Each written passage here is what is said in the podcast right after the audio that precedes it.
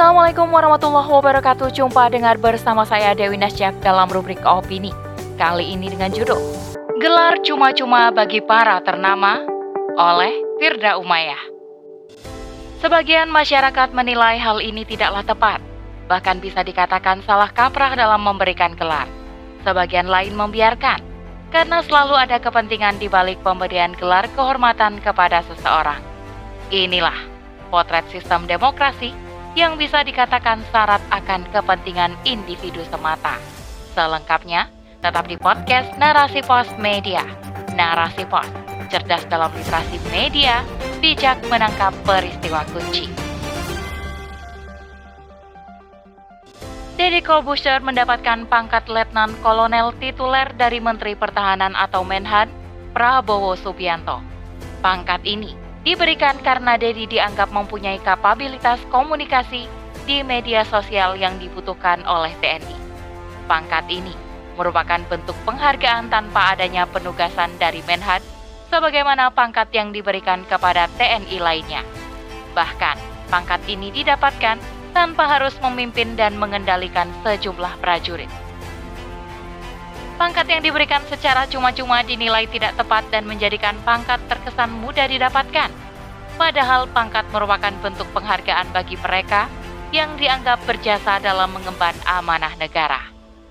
Adanya pemberian pangkat bagi orang yang ternama menambah deretan panjang para pesohor negeri yang mendapatkan gelar tanpa harus bersusah payah memiliki keahlian di bidang tertentu.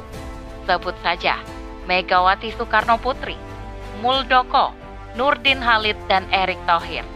Mereka merupakan sebagian pejabat yang mendapatkan gelar kehormatan sepanjang tahun 2022. Banyaknya pejabat yang mendapatkan gelar kehormatan lantas menimbulkan satu pertanyaan. Mengapa hal itu terjadi?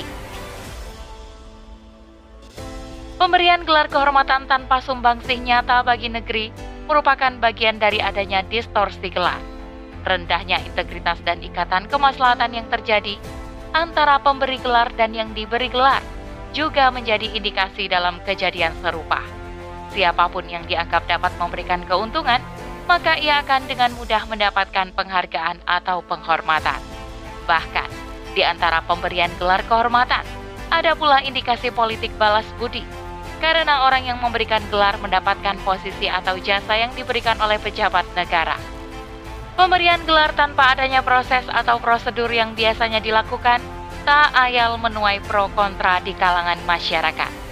Sebagian masyarakat menilai hal ini tidaklah tepat, bahkan bisa dikatakan salah kaprah dalam memberikan gelar.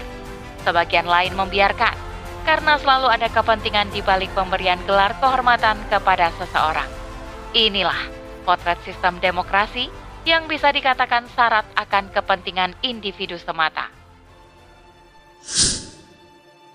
Dalam agama Islam, integritas di dalam kehidupan harus selalu dijaga. Integritas merupakan hal penting, karena dengan ini mutu, kualitas, dan kemampuan seseorang dapat teruji, termasuk dalam pemberian gelar kehormatan.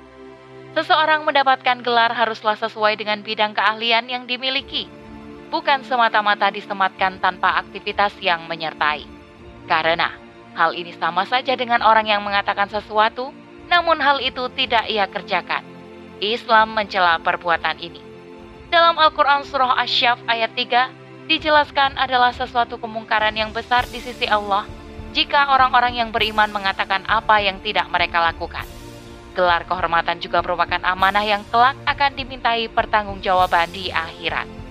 Allah SWT berfirman yang artinya, dan tiap-tiap manusia kami berikan catatan amal perbuatan yang dikalungkan pada lehernya dan pada hari kiamat kami keluarkan baginya kitab yang terbuka. Bacalah kitabmu, cukuplah bagi dirimu sendiri pada hari ini sebagai penghisap penghitung amal bagimu.